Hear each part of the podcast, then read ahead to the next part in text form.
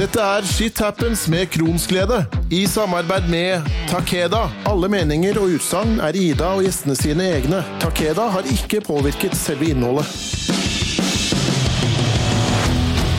Ny uke, folkens. I dag skal det prates om det å leve med en energityv.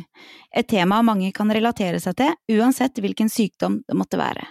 Men hva er energi, og hva stjeler den? For mange kronikere kan begrenset energi være noe vi må forholde oss til hele livet. Vi skal prate om hvordan ensomheten ofte velges naturlig, også fordi energien er begrensa. Ensomhet er et annet tema som kommer en annen gang, men med meg da har jeg Karoline Dahl Aarmo som skal sammen med meg prøve å dykke litt i dette temaet. Velkommen til deg. Takk skal du ha. Før vi klinker til, kan ikke du gi oss et lite innblikk i hvem du er? Eh, jeg er dame, ung dame kan vi si, på 32. Eh, jeg er samboer, forlova. Vi har ett felles barn, og så har jeg to bonusbarn. Eh, jeg er jo egentlig utdanna pedagog. Nå er jeg 50% ufør. Og så driver jeg med videreutdanning, da, for å kanskje kunne ja, stå i jobb videre. Ja. Hvilken diagnose er du har? Ja, nei, jeg har morbus Crohn. Mm. Den har jeg jo hatt siden Diagnostisert da, siden 2016, men mest sannsynligvis en del lenger. Er vel, eh, du er vel som de fleste av oss som har kjent litt på dette her før en får den diagnosen? Ja. Ganske lenge, egentlig. Ja. Energi er det noe mange har et forhold til, og noe mange frykter også. Eh, selv så har jeg forsona meg med at jeg har et begrensa energi, eh, og ser den egentlig som min venn og ikke fiende. Hvordan er det med deg, Karoline? Var begrensa energi noe du frykta når du ble syk? Var det noe du tenkte på? Noe noen snakka noe om? Altså, altså, Nå tok det jo lang tid før jeg skjønte at jeg var sjuk, men jeg merka jo at mm. energien gradvis blei borte. Jeg svømte jo ofte var jo ute og gikk turer, og merka jo kanskje sjøl at jeg begynte å si mer enn nei, fordi at jeg var så mm. sliten, og andre kommenterte ja, men hvorfor er du ikke med, du orker vel å gå den turen der, og så tenkte jeg bare nei, vet du, jeg orker ikke det. Uh, men når jeg da plutselig ble pang dårlig og skjønte litt alvoret at det her er det noe gærent, uh, så ble, fikk jeg litt sjokk når jeg skjønte at ok, så dette her skal jeg leve med, da. Uh, og da Ja, det ble litt verre, men nå så har jeg på en måte ja, lært å kjenne mye bedre. Jeg har funnet meg sjøl i det å ha krons, og da mm. er det mye lettere å stå i det at energien er lavere til tider.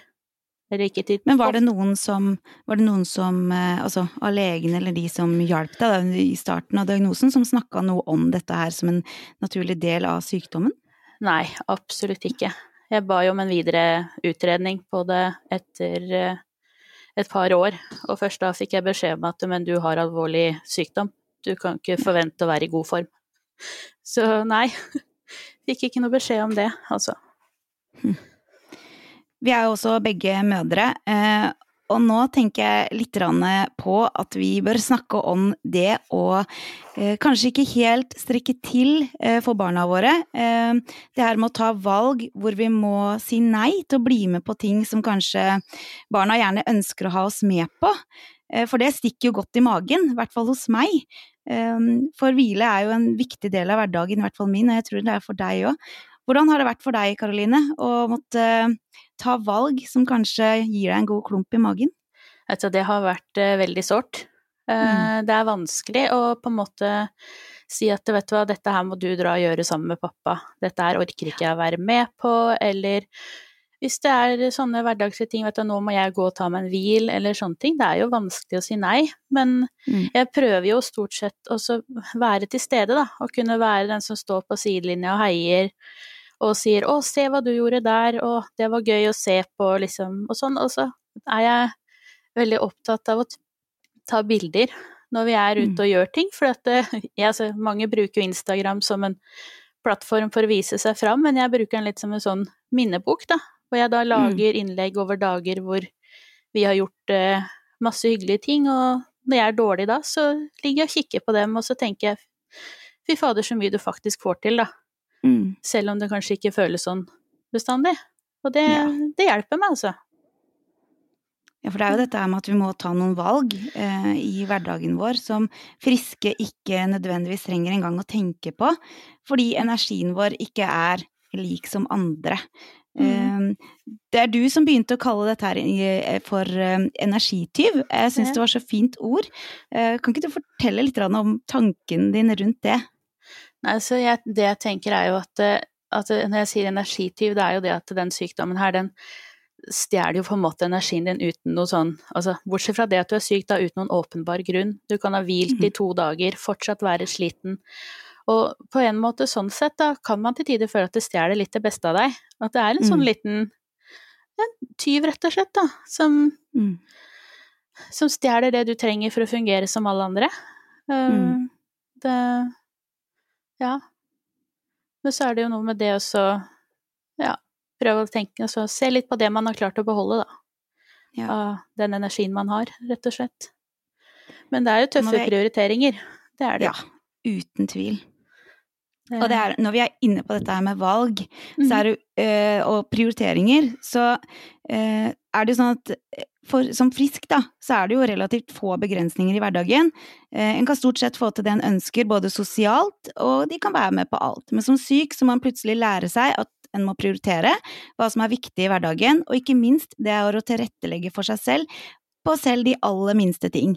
Eh, og hvordan det er å prioritere selv dette her med skal jeg ta oppvaskmaskin i dag, eller skal jeg ordne med klær? For så um, små valg er det om, snakk om da, på de Mm. aller verste dagene.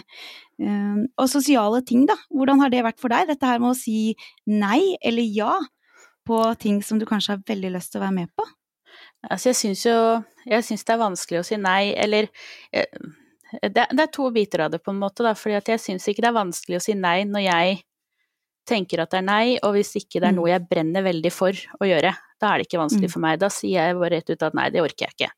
Det har ikke jeg lyst til å prioritere å bruke tid på. Men hvis det er ting som jeg føler at er viktig for andre som jeg bryr meg om, eller som er viktig for meg og som jeg har kjempelyst til å si ja til, eh, da er det vanskelig å si nei. Og da Mm. heller det jo eh, ofte over i ja, da. Og så ja, brenner man seg jo litt på det kanskje etterpå, da. Det Mm. Har jo i hvert fall ført til én sykehusinnleggelse, og ikke Ja. grenser for seg sjøl. Men eh, man lærer jo av det òg, da. Det er jo klart. Ja, det gjør den jo. Ja.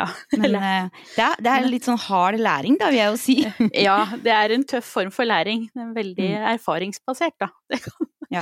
kan man jo si. Men jeg tror eh, man på mange måter må gjøre seg noen erfaringer sjøl òg, for å vite hvor sin egen liksom grense, da, mellom hva man Mm. kan tåle, hvor den ligger, da. Uh, Ja. Det, ja. Det, Og så kan det jo være vanskelig for andre å forstå, eh, fordi eh, det er jo ikke sånn at vi ikke ønsker å dra på besøk, men ofte så krever det for mye å gjennomføre det. Eh, for min del så har jeg mista mange venner, og mista mange, altså mange nære kontakter, da, fordi at jeg må tatt valg på om eh, både, bare veien ditt er for krevende. Eh, og det har vært eh, veldig vanskelig å få dem til å forstå at eh, hei, det er ikke meg som velger å ikke være med på dette, men det er faktisk eh, altså, sykdommen, hele, hele, hele, hele bildet, da, som er årsaken. Eh, hvordan har det vært med vennskap for deg? Har du følt deg som en dårlig venn når du har sagt nei? Ja, det, altså, det har jeg gjort mange ganger. Eh, Mm. Følt meg som en dårlig venn. Spesielt på en måte i starten, eller Mm. Ja, nå begynner jeg er jo på femte året da, siden jeg fikk diagnosen, så i de første par åra så syntes jeg det var veld veldig vanskelig, og følte meg hatt mye dårlig samvittighet, fordi at eh, jeg veit jo at min tilstedeværelse betyr jo noe for andre, Mm. eh, og da ikke kunne være til stede, men da det gjorde vondt en god stund. Eh, Mm. det, er ikke, det blir ikke nødvendigvis veldig mye lettere med tid, men man forsoner seg mer med det, og så kanskje man blir litt tøffere, da. Når man har fått bekjent med seg sjøl, så blir det litt lettere kanskje å prøve å forklare hvorfor man sier nei, at det kanskje Mm. ikke er så lett i starten, da. Eh, Men at man kan si noe om konsekvensen, at vet du, dette kan ikke jeg gjøre fordi at jeg blir liggende i to dager etterpå, og det Mm. har jeg ikke tid til nå, da, rett og slett. Jeg har ikke tid Mm. til å bli sengeliggende de neste to dagene, så nå må jeg si nei. Det, og det tenker jeg at må være helt greit å gjøre. Ja. Det, Og det å være trygg i sitt eget nei er jo en kunst, vil jeg si. Eh, Jeg sjøl kan si nei nå uten å kveles av dårlig samvittighet, men fy Mm. søren, og det har tatt tid, og tårer, eh, og veldig mange ja-er som burde vært nei, For eh, der har jeg brent meg mye. Jeg har sagt så mye ja som burde vært et nei. Og det er liksom en av de greiene som jeg ser tilbake på som kanskje noe jeg har angra litt på, da, fordi det har tappa meg veldig, veldig, veldig mye. Hvordan er det med deg, Karoline? Har du kjent på det å ta straffen etterpå når du har sagt for mye eh, ja, da? Og hvordan har det kjentes for deg? Hvordan har det gått utover kroppen din, da? Altså, det har jeg jo kjent på mange ganger, for jeg er jo et uh, veldig utprega ja-menneske. Mm. altså, naturen min er å si ja, sånn at uh, jeg sier jo veldig ofte ja til ting som jeg tenker at jeg har lyst til å gjennomføre, og som jeg tror at jeg kan klare å gjennomføre, men straffen kommer jo etterpå i at uh, man blir jo sliten, og så forverrer det jo veldig ofte smerter. Ja. For min del, da, når jeg gjør mer enn jeg tåler. Utmattelsen mm. blir verre, får ofte feber, sånne type ting. Sånn at den fysiske straffen melder seg jo ganske kjapt. Og så er det jo den at man får en sånn derre Men skulle jeg ikke kunne klare å gjøre det heller? Noen mm. ganger så blir det litt sånn, da. Ja, en blir jo oppgitt og ja. drittlei. Ja. Mm. og så er tålegrensa så ulik på ulike dager òg, ja. så det blir sånn mm. Å ja, så vi skulle ikke få til det i dag, nei. Ok. Men så, men så føler jeg jo at jeg stort sett er veldig positiv, da, så jeg tenker jo ofte at ja ja, men så blei det sånn i dag, og så prøve igjen en annen dag. Vi kan få en fin ja. dag en annen dag. Det... For det er, noe, det er hele tida en ny dag dagen etter, og det er jo en fin ting å tenke at ja ja, da klarte jeg det ikke da, men da mm. har jeg muligheten til å prøve på nytt i morgen. Mm. Det er noe med det. Men, men, hvordan er det med deg, trives du egentlig best i ensomhet, eller når det er full fart? Jeg trives jo egentlig veldig godt i eget selskap. Det har mm. jeg jo alltid gjort. Jeg er veldig glad i å være altså sånn ja, bruke tid på eksempel eh, Før så leste jeg jo en del bøker, det gjør jeg ikke så mye lenger, for nå blir det jo mer uh, fagbøker. Men mm. tenne lys i stua, ligge under teppet om jeg så scroller på Facebook eller TikTok eller ser på en serie eller dokumentar og ta litt ansiktsmasker og sånne ting gjør mm. jeg jo da, ja, når jeg er aleine, og det syns jeg er deilig. Jeg syns det er deilig å gå turer aleine innimellom òg. Uh, orker ikke så mye av det, men når jeg først gjør det, så syns jeg det er deilig. Det, jeg liker å være sammen med folk òg, selvfølgelig, uh, men jeg har ja, jeg har ikke hatt noe problem med egentid sånn fra før jeg ble sjuk heller, så jeg tror det kanskje Nei. har gjort det lettere å stå i det at uh, ja, stå i det å ha mye egentid, da. Det, det tror jeg absolutt er en fordel, for har man vært vant til et liv i full fart, så er det klart at det er enda vanskeligere å godta ditt nye liv, da, eller ditt nye jeg, med en sykdom. Mm. Så... Men uh, det her med å gå også fra å være veldig sosial og plutselig ikke uh, få lov til å være med på noe en ønsker, det er jo kjempetøft. Og uh, jeg tenker at det er en sorg som er viktig å gå igjennom. Um, og jeg tenker at det er viktig at vi sier at det er helt normalt. Det er helt normalt å være igjennom en sorg, og kanskje noe vi bør være igjennom også. Um, en prosess som kanskje ikke det er lagt så mye vekt på, da. Fordi det er snakk om at uh, en får en sykdom, og så skal du bare uh, takle den. Og der har vi jo kanskje noe å gå på sånn i forhold til Altså, sykehuset har jo en jobb å gjøre her. Eh, hva tenker du der? Burde det vært mer snakka om det å leve med sykdom?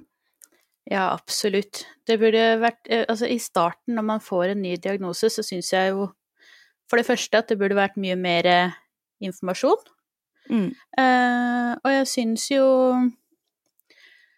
også at det skulle vært bedre tilgang på ikke nødvendigvis bare helsepersonell, men personer som har gode erfaringer, da, eller mm. altså knytta til å være syk, og ja, hvordan man kan komme seg gjennom det, bli kjent med seg sjøl på nytt, tålegrensa si for uh, alt, altså at det var mye mer fokus på også den psykiske biten, at det kan oppleves som et sjokk og en sorgprosess, og for noen kanskje en krise, da, å gå igjennom og få en sykdom som du får beskjed om at denne her skal du ha resten av livet, for det blir sånn mm. Du begynner å tenke på framtida, hvordan skal dette gå? Kanskje folk legger umiddelbart fra seg ting som de kunne ønske å gjennomføre fordi av redsel, da. Ja. Eh, men jeg har for min egen del eh, jeg tenker sånn at det som kommer imot meg, det må jeg på en måte bare stå i. eh, Mm. Og gjøre det beste ut av det. Men det er klart det hadde hjelpa med informasjon på veien, spesielt om fatiguen, da. Mm. Eh, For jeg ba jo om en ny utredning, eh, som jeg sikkert nevnte i stad, og Mm. fikk jo bare beskjed om at, eh, at eh, For jeg tenkte kanskje det var noe annet, i og med at jeg var så sliten, da. Eh, Ja. Fordi jeg så ikke helt sammenhengen mellom fatigue og fine prøvesvar, på en måte. Og den er du vel ikke aleine om, tror jeg. Nei, den tror jeg mange kan kjenne seg igjen i, Mhm. at den er litt sånn eh, hæ? Eh, Men da Mhm. fikk jeg beskjed bare om at ja, men pasienten må være klar over at hun har en alvorlig tarmsykdom, og, Mm. og utmattelse er en del av det. Men det kom jo liksom to år for seint. Ja. Den informasjonen burde vært der med en gang, tenker jeg da. Ja, så er det jo ikke tøft bare for oss, det er jo tøft for de rundt oss også. Så jeg tenker at eh, det burde vært en helt naturlig del, at vi burde fått en eh, god opplæring i hvordan det er eh, å leve med sykdommen, og hvordan den kan eh, prege oss da både i gode og dårlige dager. Um, Men så må jeg spørre deg om noe, for vi prater mye om tilrettelegging og planlegging.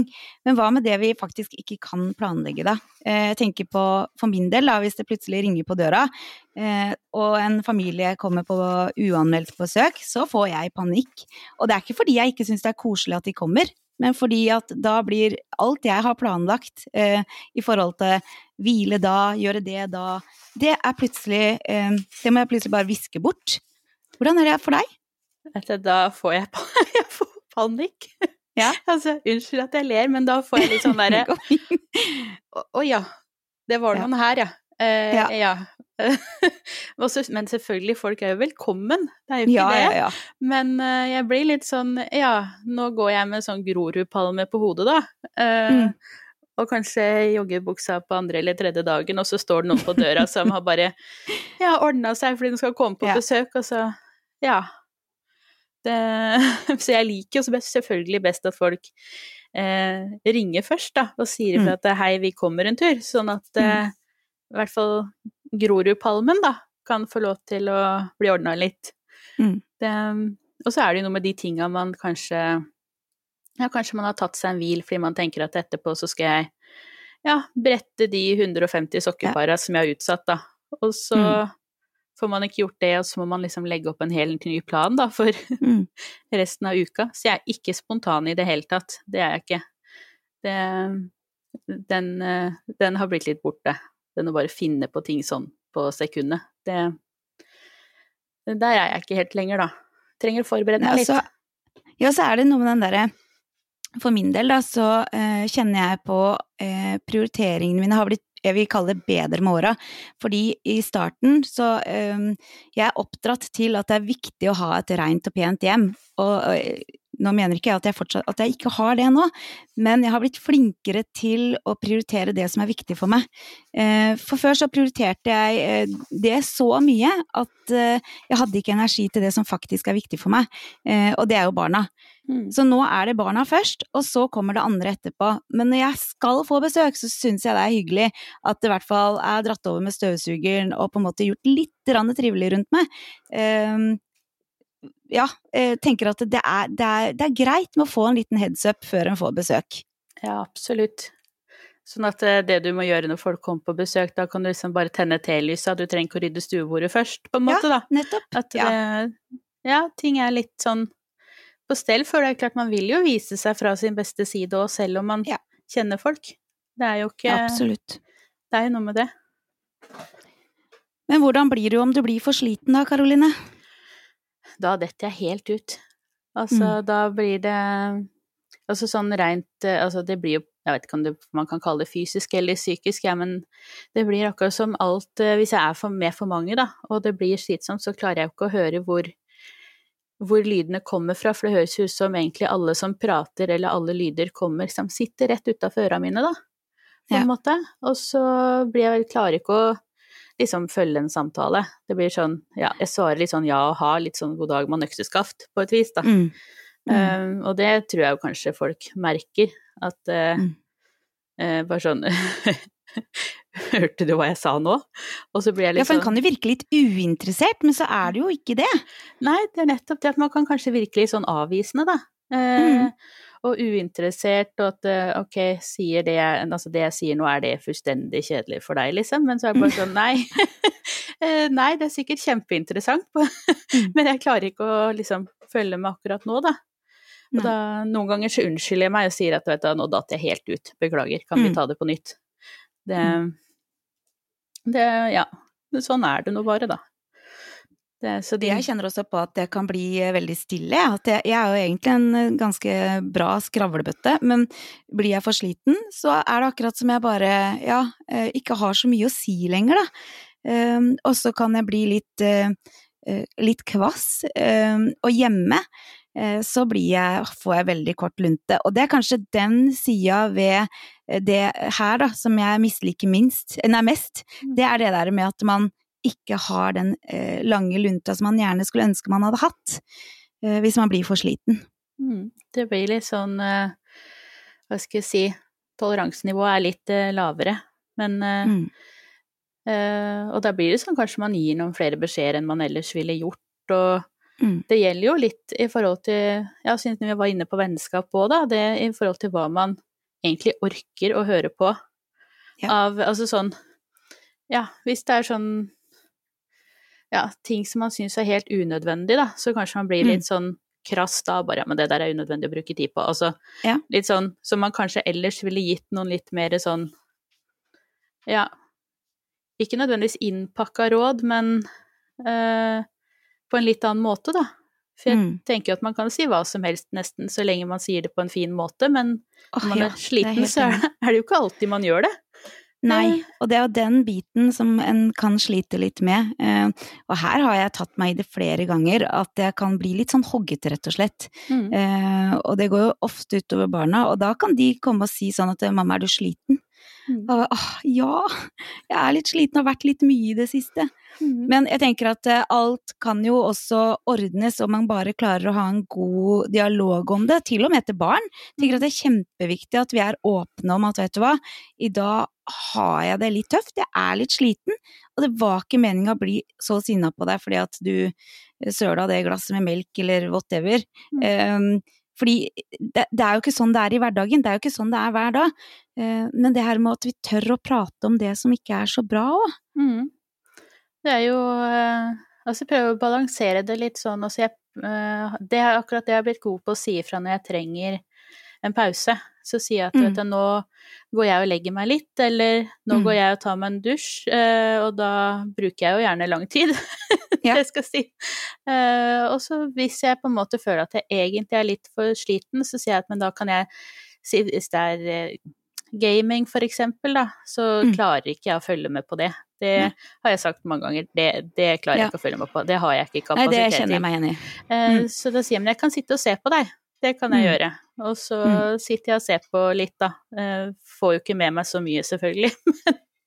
men Nei, men for barna så er det ofte nok med at vi bare er der. ja, de trenger tilstedeværelsen vår, og så Mm.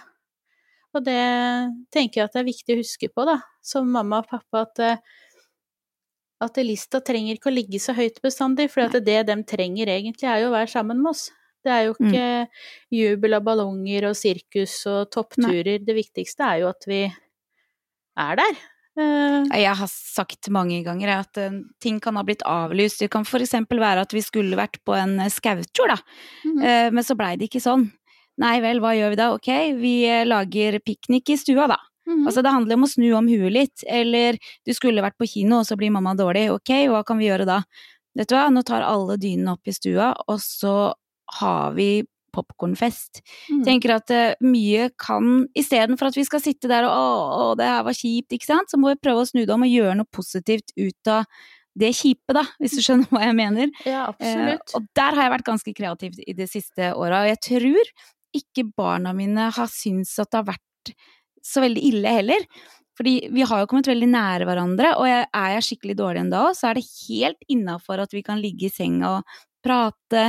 Altså rett og slett ha litt kvalitetstid der, da. Mm. Jeg inviterer dem rett og slett eh, mer i, med meg selv i de dårlige dagene. Ja. Så, Men så har vi jo begge to en mann, da. ja, det har vi. Ja.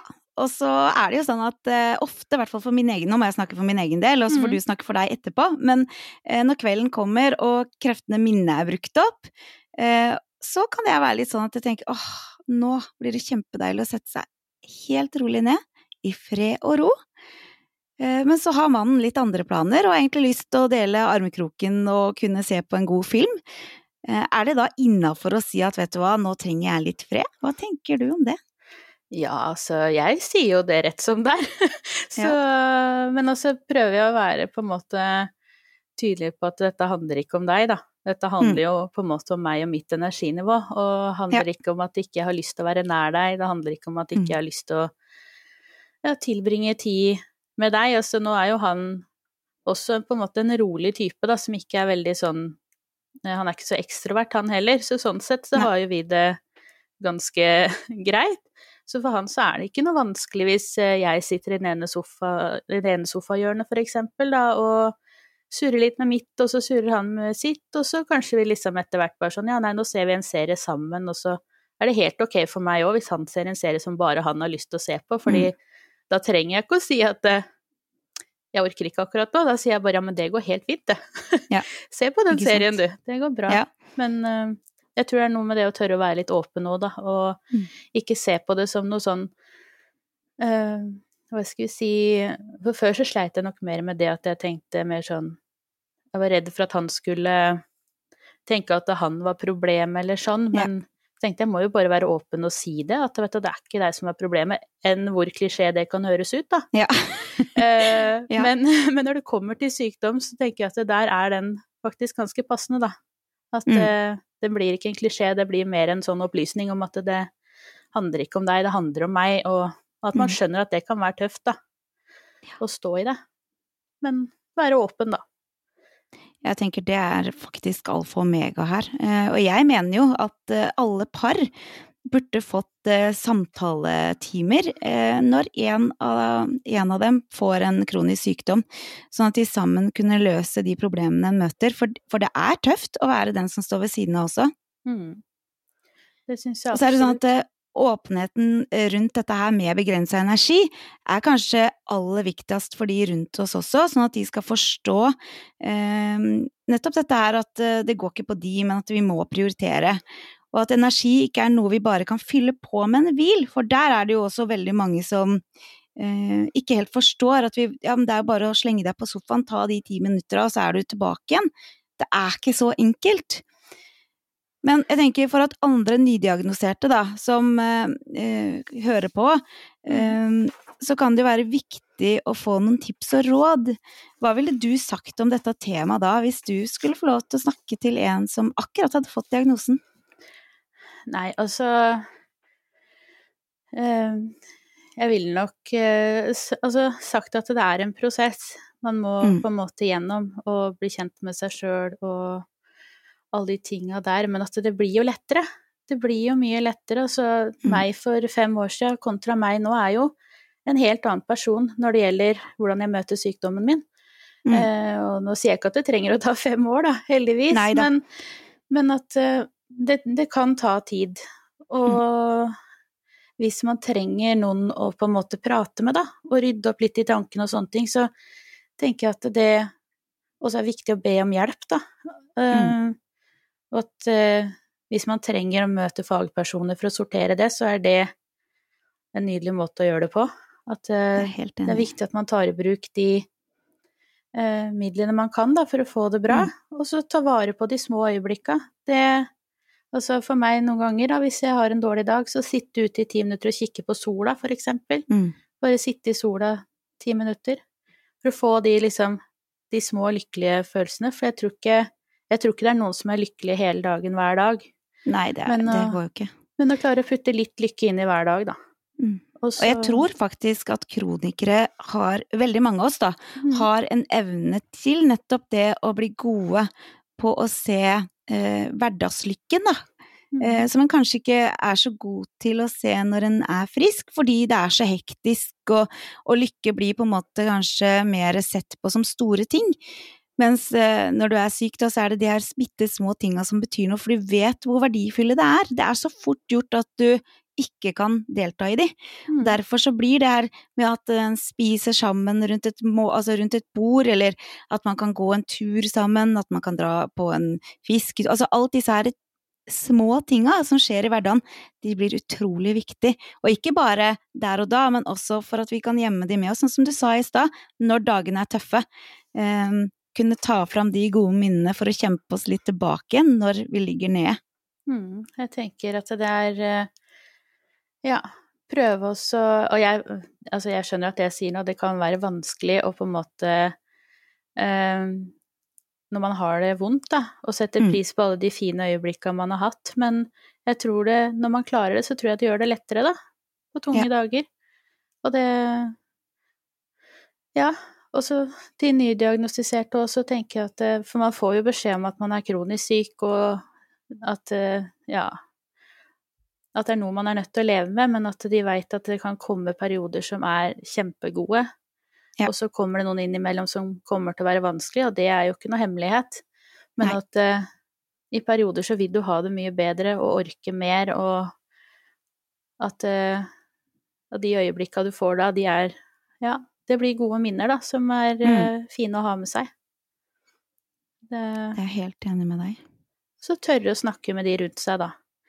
Ja. Og for jeg tenker jo lengre tid det tar også, jo kanskje vanskeligere blir det å, å komme inn i en sånn situasjon hvor man forsoner seg med situasjonen sin, da. Mm. At det blir lettere hvis man ja, involverer andre. Men det er lett å Mm. si, da. Det Ja er da. veldig lett å si. Ja. Så Det er det.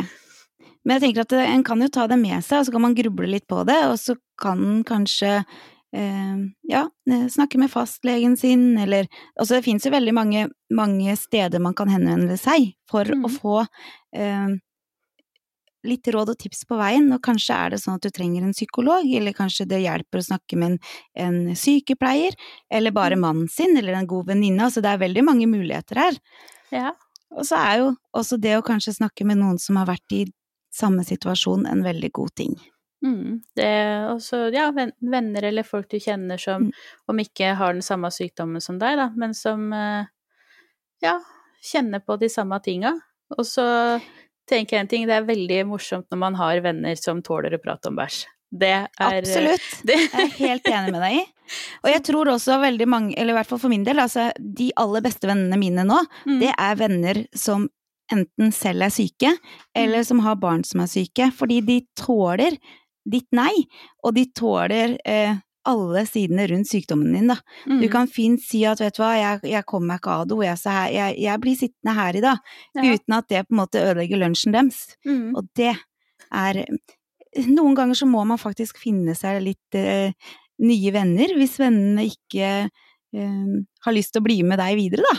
Ja, for det er jo Jeg tror ikke på en måte Altså for min del så er det jo ikke Det er jo ingen som har sagt til meg at nei, nå velger jeg deg bort, men man merker jo at man mister gradvis kontakt med Mm. mange, da.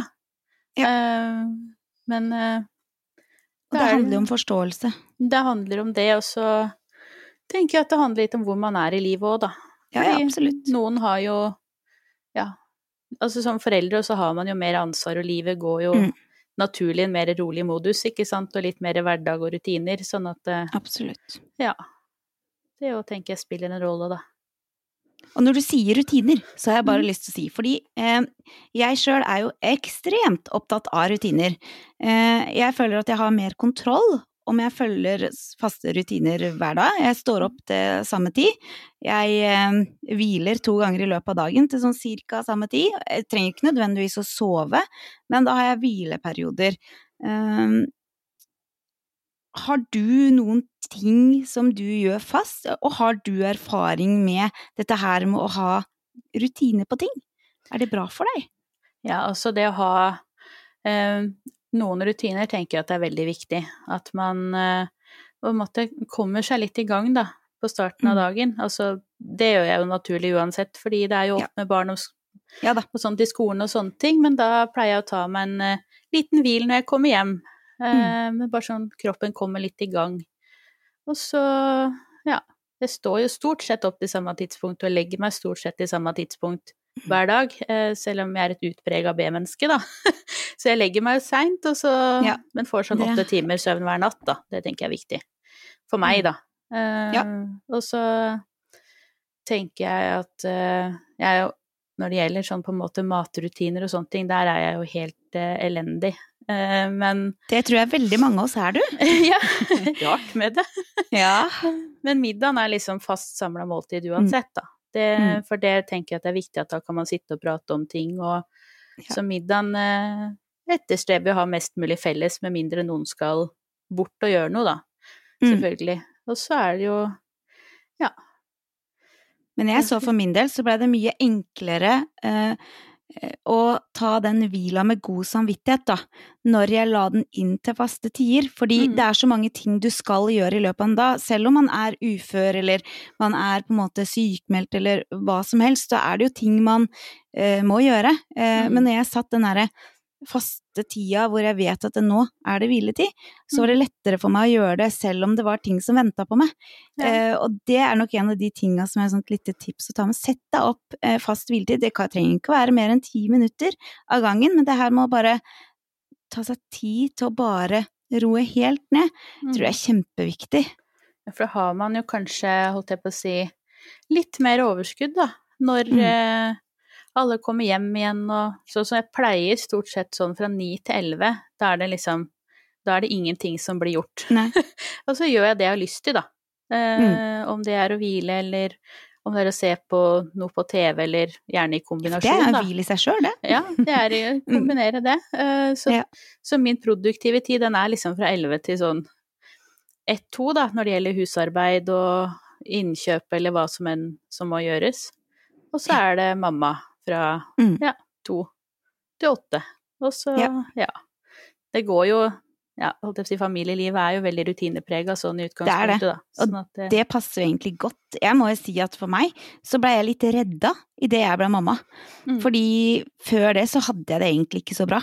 Men idet jeg måtte ta ansvar for noen og gi det barna en best mulig eh, Ja, et best mulig liv, da, så fikk jeg følelsen at eh, eh, nå, Ida, nå må du faktisk eh, ta deg sammen, for dette barnet her, det fortjener verdens beste mamma. Og for at jeg skal bli verdens beste mamma, så er jeg nødt til å ta noen valg.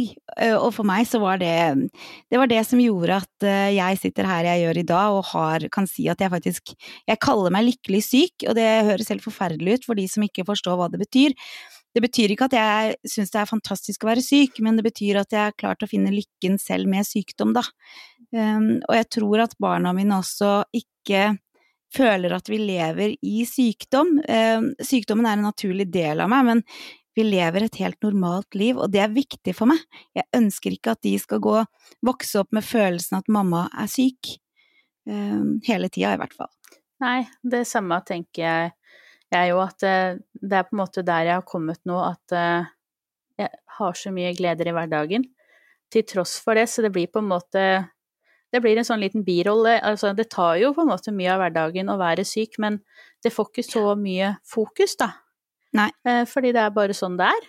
Eh, Og så må vi bare stå i det, og så prøve å finne gleden i veldig mange andre ting, da. Og Mm. ja, det viktigste er jo det, som du sier da, det er jo for meg også, det er jo sønnen min, selvfølgelig. At han har det bra, at han har alt han trenger. Sånn at det, å prioritere han, det går jo foran Mm. alt. Ja. Eh, noen ganger så blir det jo litt sånn at han kan si at det, ja, at han helst vil at jeg skal eksempel være hjemme en kveld, da. Men så har Ja, jeg en ja. plan, og da opprettholder jeg jo selvfølgelig den planen. Selv om han kanskje helst ville sett på film med meg eller bygd Lego eller Mm. sånn. Så Ja. gjør jeg jo det jeg skal, men men stort sett så er jo han prioriteten i alt, at han skal ja, ha det han trenger, han skal få de Mm. opplevelsene som alle andre barn får, han skal få ha med venner hjem på besøk, han skal få være på besøk, han, ja, Mm. han skal få alt som jeg tenker at barndommen eh, ja, inneholdt, da, og inneholdt for meg.